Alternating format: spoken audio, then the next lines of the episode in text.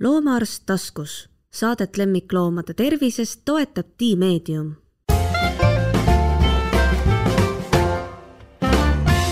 tere, te kuulate taskuhäälingut Loomaarst taskus ja minu külalisteks täna on kaks Eesti veterinaariale väga olulist inimest. Piret Savvi Maaülikooli loomakliinikust, tere Piret! tere! ja Valdeko Paavel, keda ma ikkagi tituleerin loomade kiirabikliiniku juhatajaks, aga ma arvan, et sul on neid ametinimetusi ilmselt nüüd juurde tulnud või? tere,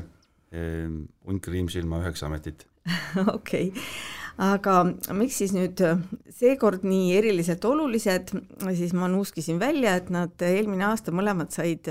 sellised aunimetused. Valdeko eh, sai eh, Eesti Loomaarstide Ühingu poolt tiitli aasta loomaarst ja kuigi ta ise siin vingerdab ja ei taha üldse rääkida, et mille eest ta selle sai, siis ma tegelikult aiman, mille eest. ja Piret äh, sai Dimeediumilt ähm, missioonipreemia. kuna Piret on lahkema loomuga rääkima endast, siis Piret alustab, et millest, millest selline ma, mina tegelikult oleks andnud sulle selle, selle Maaülikooli loomakliiniku juhtimise eest selle, aga ma sain aru, et tegelikult oli põhjus hoopis teine. Äh, jah, et äh, kaks aastat oleme korraldanud siis Dimeediumiga koostöös ähm, äh, sellist äh, suvekooli, et ähm, ja, ja kui lühidalt öelda, et, et mis see siis on, ähm, siis see on selline väga-väga praktilise loomuga äh, nagu töötubadel põhinev koolitus. ja, ja selle eripära on see, et mulle tundub, et seal on hästi õnnestunud kontseptsioon. et osalejate arv on hästi väike lektorite hulk on hästi suur, et me saame hästi, et see õpetav jõud on hästi suur, eks ole. et ja ma olen hästi uhke ja õnnelik, et meil on oma äh, pingi pealt need, need õppejõud võtta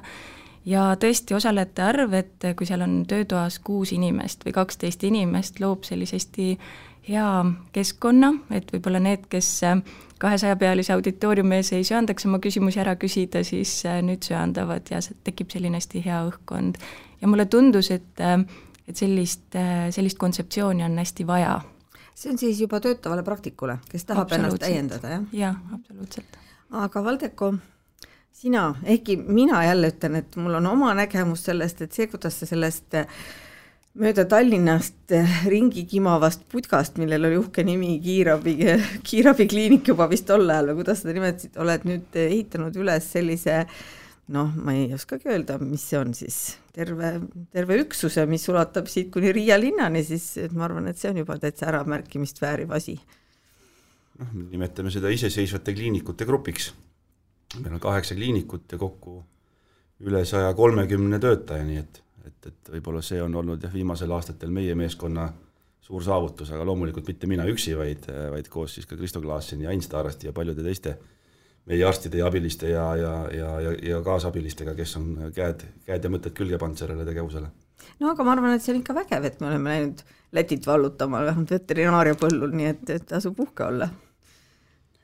Ei ole olnud aega selle peale mõelda, et kas olla nüüd äh, rõõmus või uhke selle üle, sest et eks see äh, täidab kogu meie ärkveloleku aja, nende, äh, nende üksustega majandamine ja inimestega tegelemine. millal see Läti kliinik sai avatud?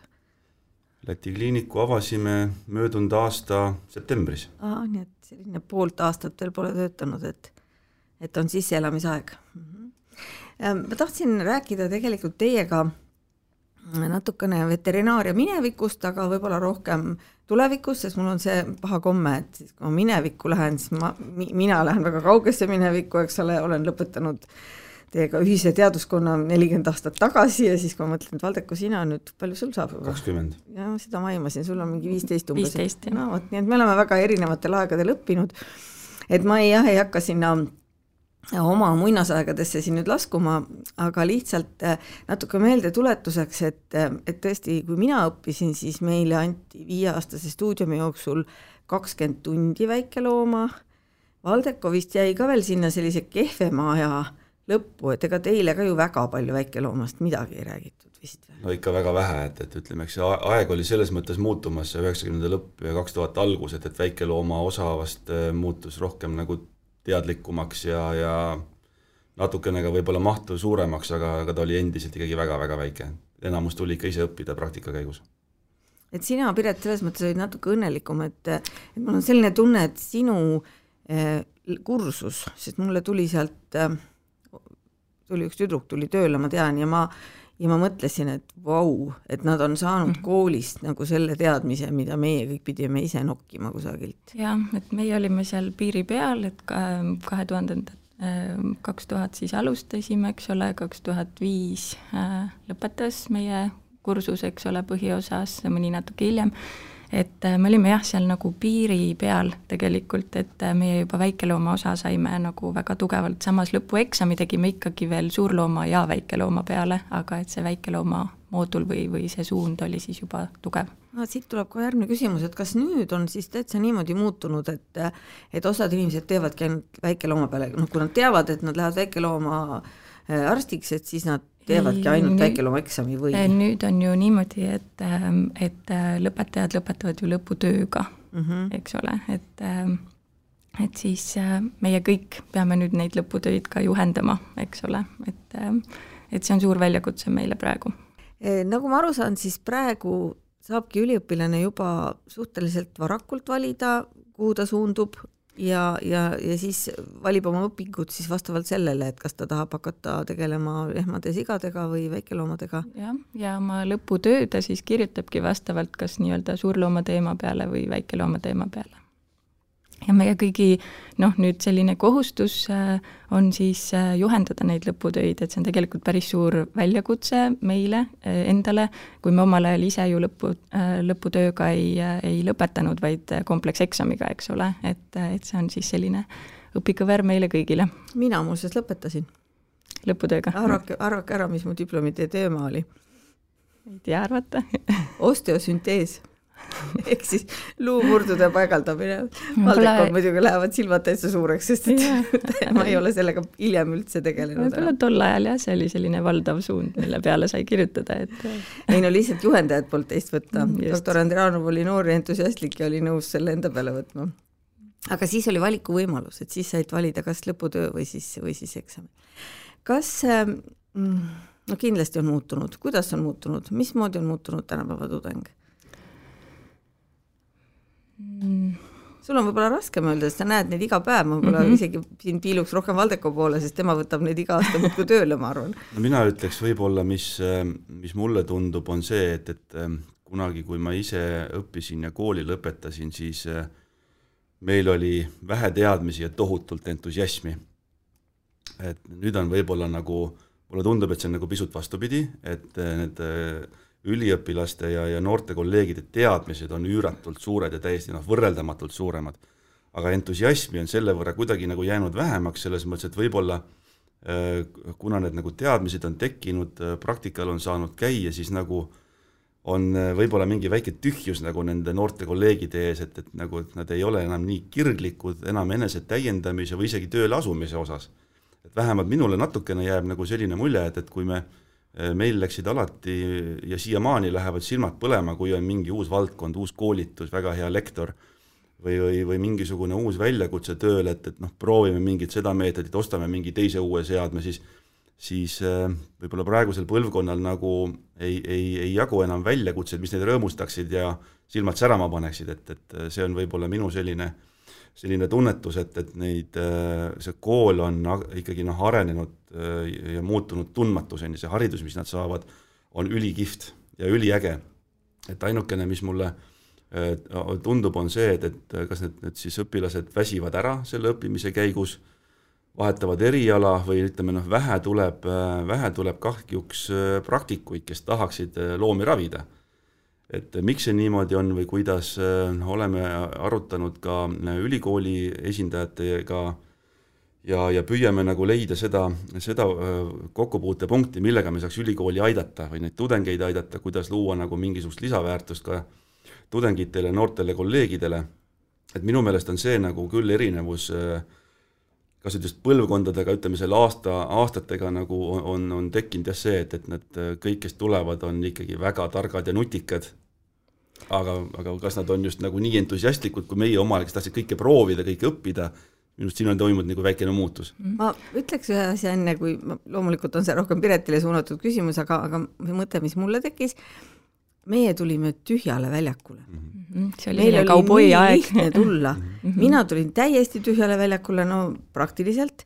ja, ja Valdeko tuli, ütleme, kiirabi ja esmaabi osas tühjale väljakule ja ükskõik, mida sa tegid, oli see parem kui mitte midagi. ma lihtsalt arvan, et äh, meiesugused vanad dinosaurused passivad siin ees, küll nad tulevad ja teevad, kui me eest ära läheme. et neil on nagu palju suurem see vist, seda muidugi Piret võib nüüd kommenteerida, mure, et see teoreetiline teadmine läheks ka praktiliselt õigesti, aga meil polnud aega mõelda, me pidime lihtsalt tegema. ma arvan, et Ma see on olen- minu interpretatsioon. ma olen nõus, Tiina, ma olen palju mõelnud selle peale, et tõesti, teil oli selline mingis mõttes kauboi aeg, et õpid kõrval ja, ja loom ja läks, eks ole, et mm -hmm. et aga mis mulle eriti viimasel kahel aastal nagu muret teeb, on see pandeemia aeg, et see distantsõpe, eks ole, ja see kokkupuude patsiendiga, loomaga, et me oleme tohutult pingutanud üldse, et need praktikumid läbi viia sellel pandeemia ajal ja ma tõesti olen mures nende viimase aasta viimaste aastate lõpetajate pärast, et, et nende kontakt nagu patsiendiga on, on ja motiv- ja, ja see, et nad üldse suudaks motivatsiooni hoida, et et see on väga raske, et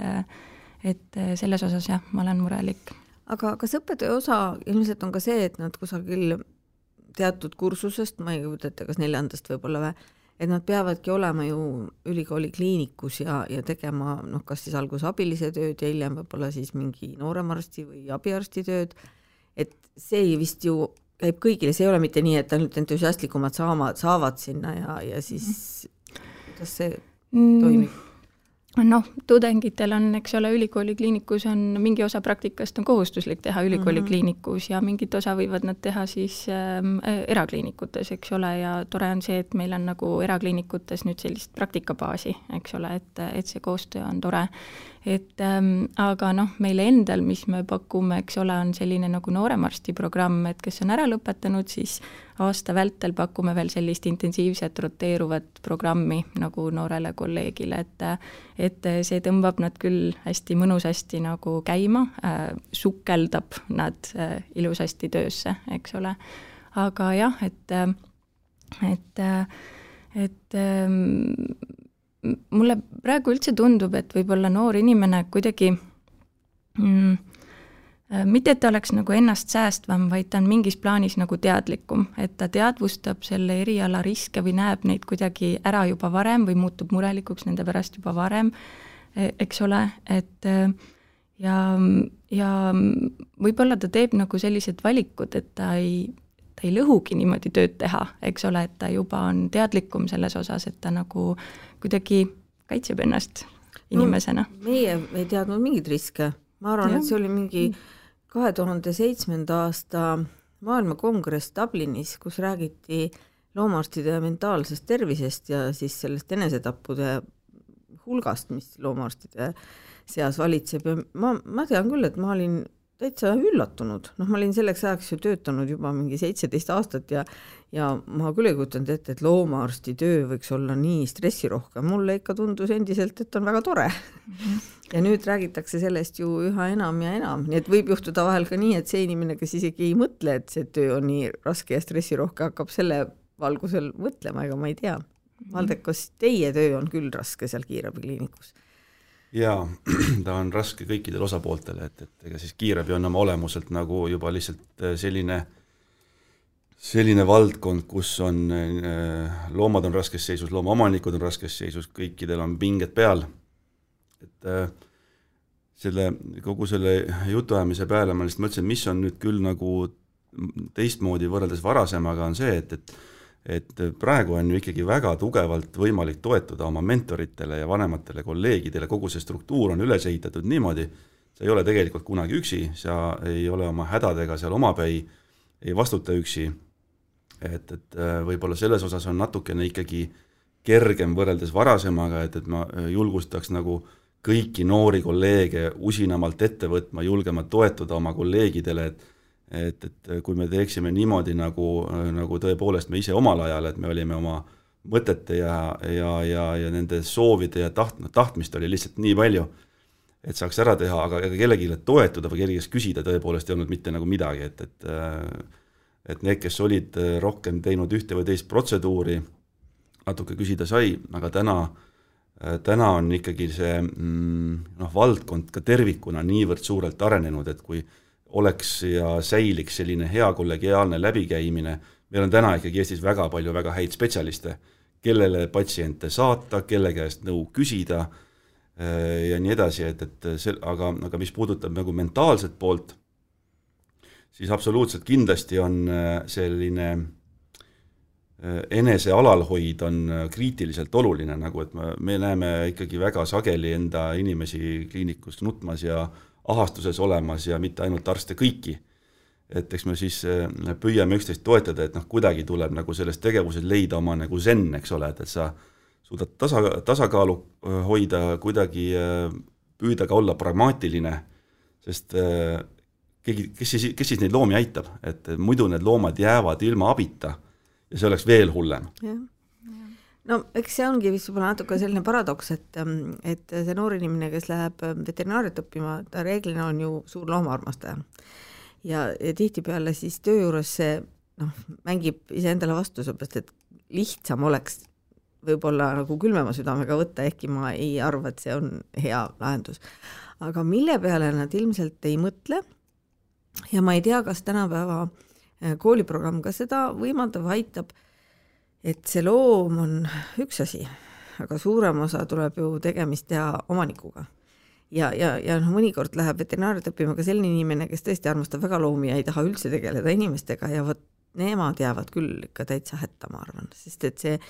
see omanikupoolne faktor ja, ja omanikuga hakkama saamine, et see on ikka väga suur, suur asi. ma tooks siia veel ühe sellise mõõtme juurde, et, et nii kummaline ja valus, kui seda ka öelda ei ole, siis tänapäeval ei saa enam tegeleda meditsiiniga eh, ilma advokaatide ja IT-meesteta, et, et ütleme, need on on kaks sellist väga olulist äh, ametit äh,, neid on muidugi veel, aga, aga ütleme ka need kaks tulevad meie sellesse praksisesse väga tugevalt sisse, erinevate juriidiliste küsimuste lahendamine alates GDPR-ist ja, ja lõpetades sellega, et sul tõepoolest kõik need kliiniku tarkvarad, arvutid ja kõik muu selline töötab,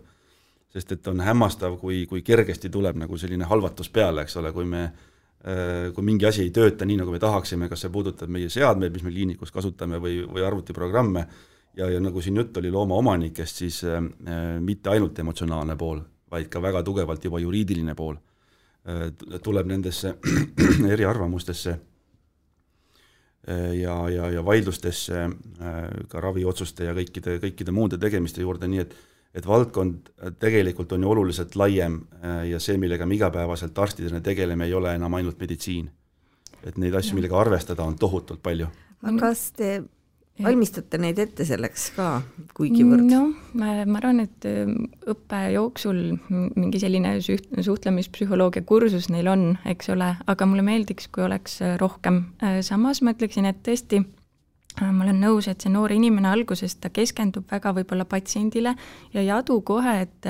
et ähm, ja ei teagi kohe ja tal ei olegi neid nippe, et et kuidas siis saavutada seda head koostööd selle võib-olla natuke keerukama omanikuga ja kuidas see usaldusbaas nagu võita, eks ju, et see on tegelikult niisugune äh, suurel määral ka niisugune situatsioonipõhine äh,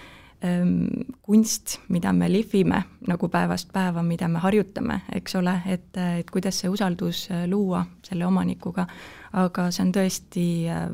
suur osa äh, kogu asjast, et äh, muidugi meeldiks, kui oleks nagu rohkem,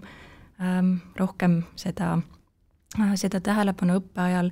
et aga jah, et kui rääkida sellest heast kollegiaalsusest, et siis ähm, ähm, minu jaoks on tõesti, see on nagu elementaarne, mulle väga meeldib, äh, mul on tunne, et see on paranenud,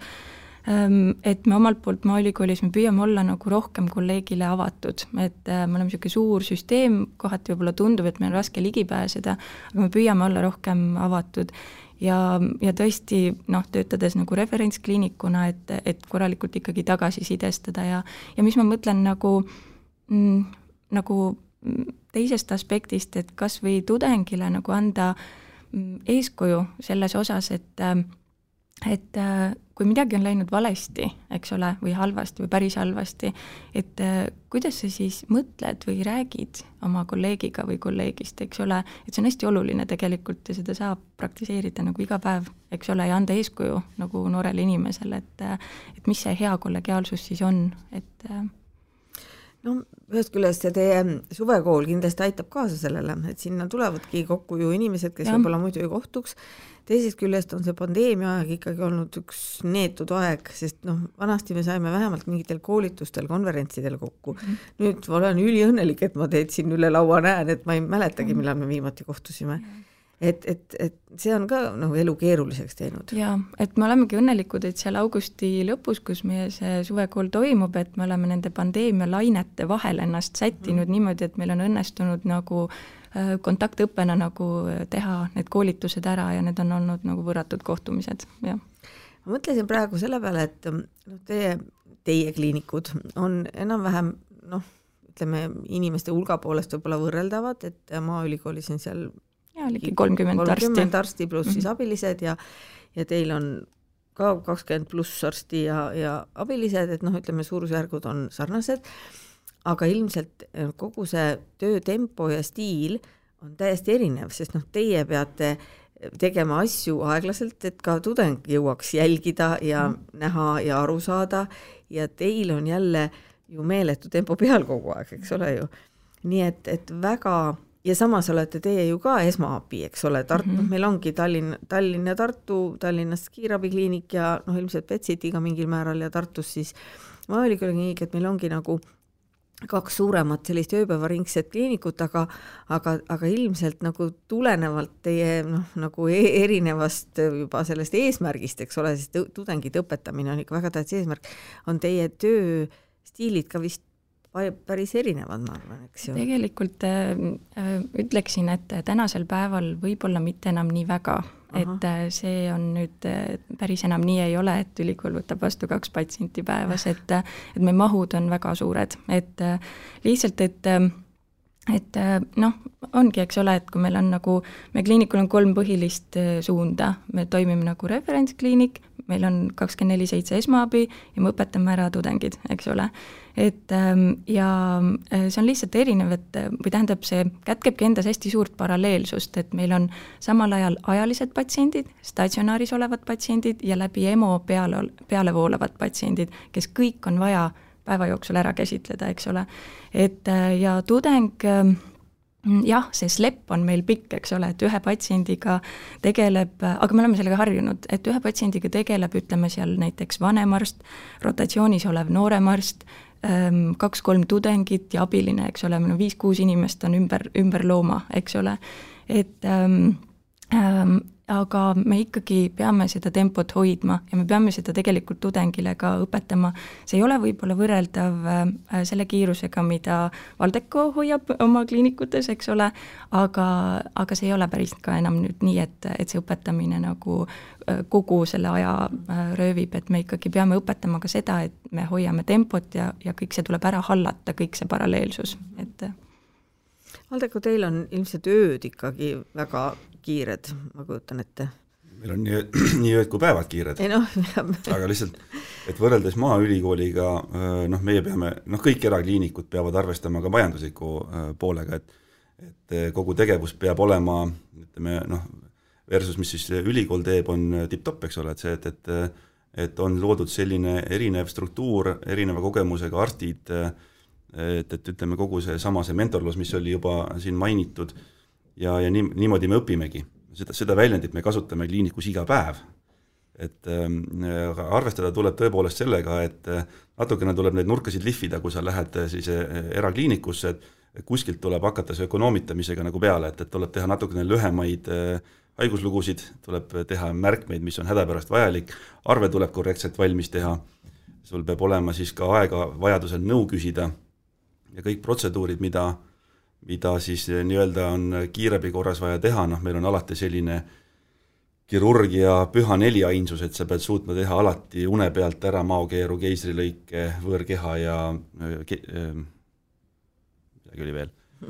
et ühesõnaga, et sellised, sellised asjad, mis tuleb lihtsalt kätte õppida niimoodi, et need on lõpuks lihas mälu peal ja, ja, ja kõige see ja kõik, kogu, kõik need vahendid tulevad loomaomaniku käest.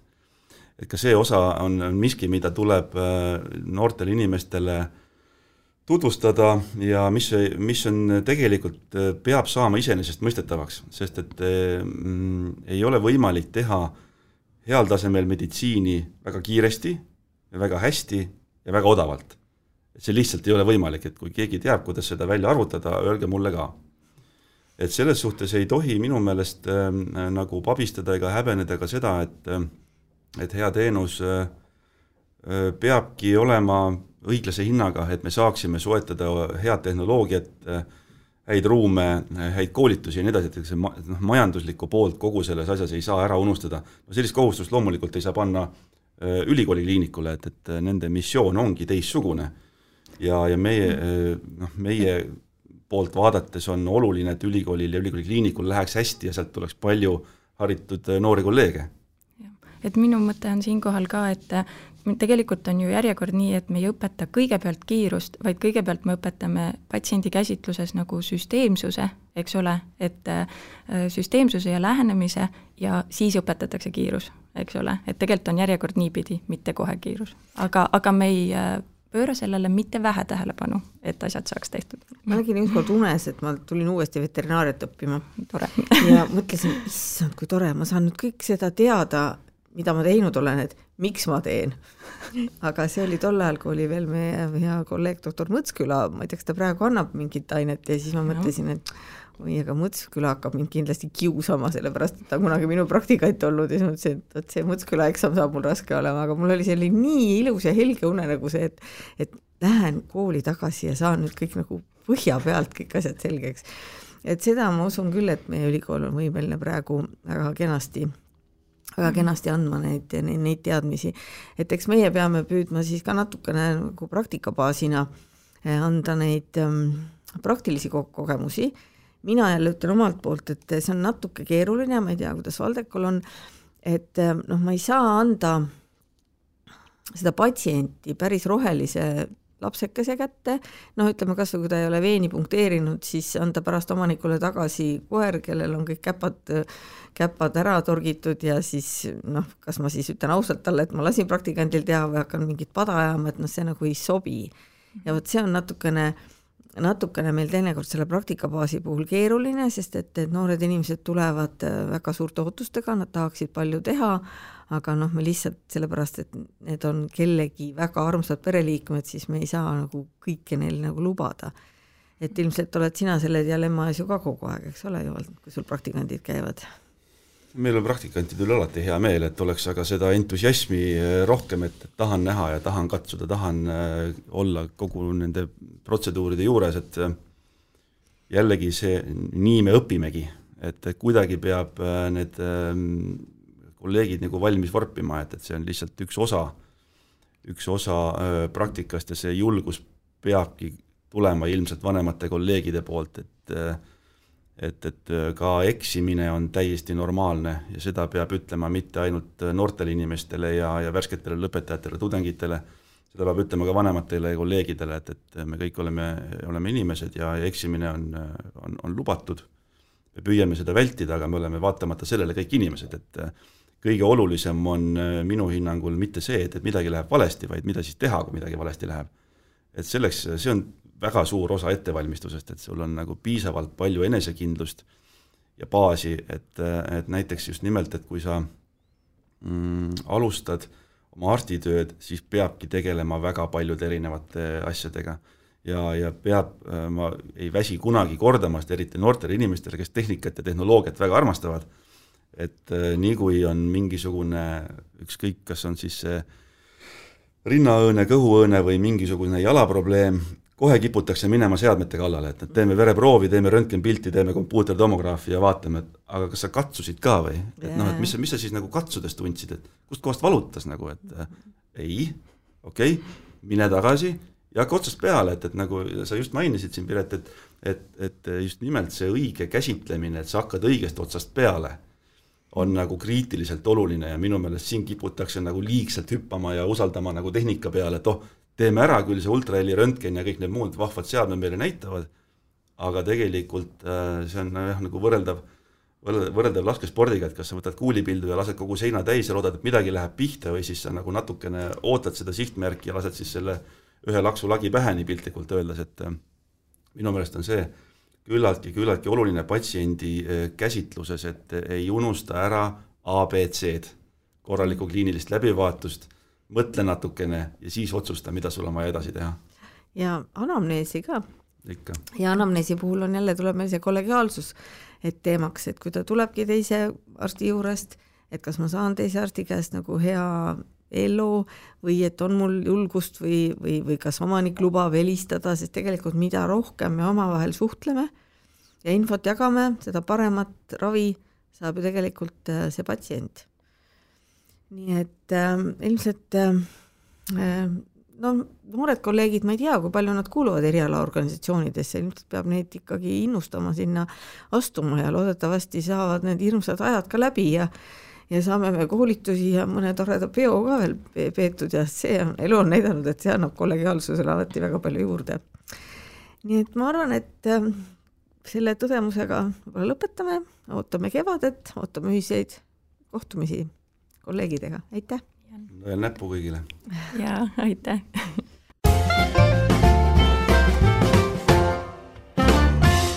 loomaarst taskus, saadet lemmikloomade tervisest toetab Tiimeedium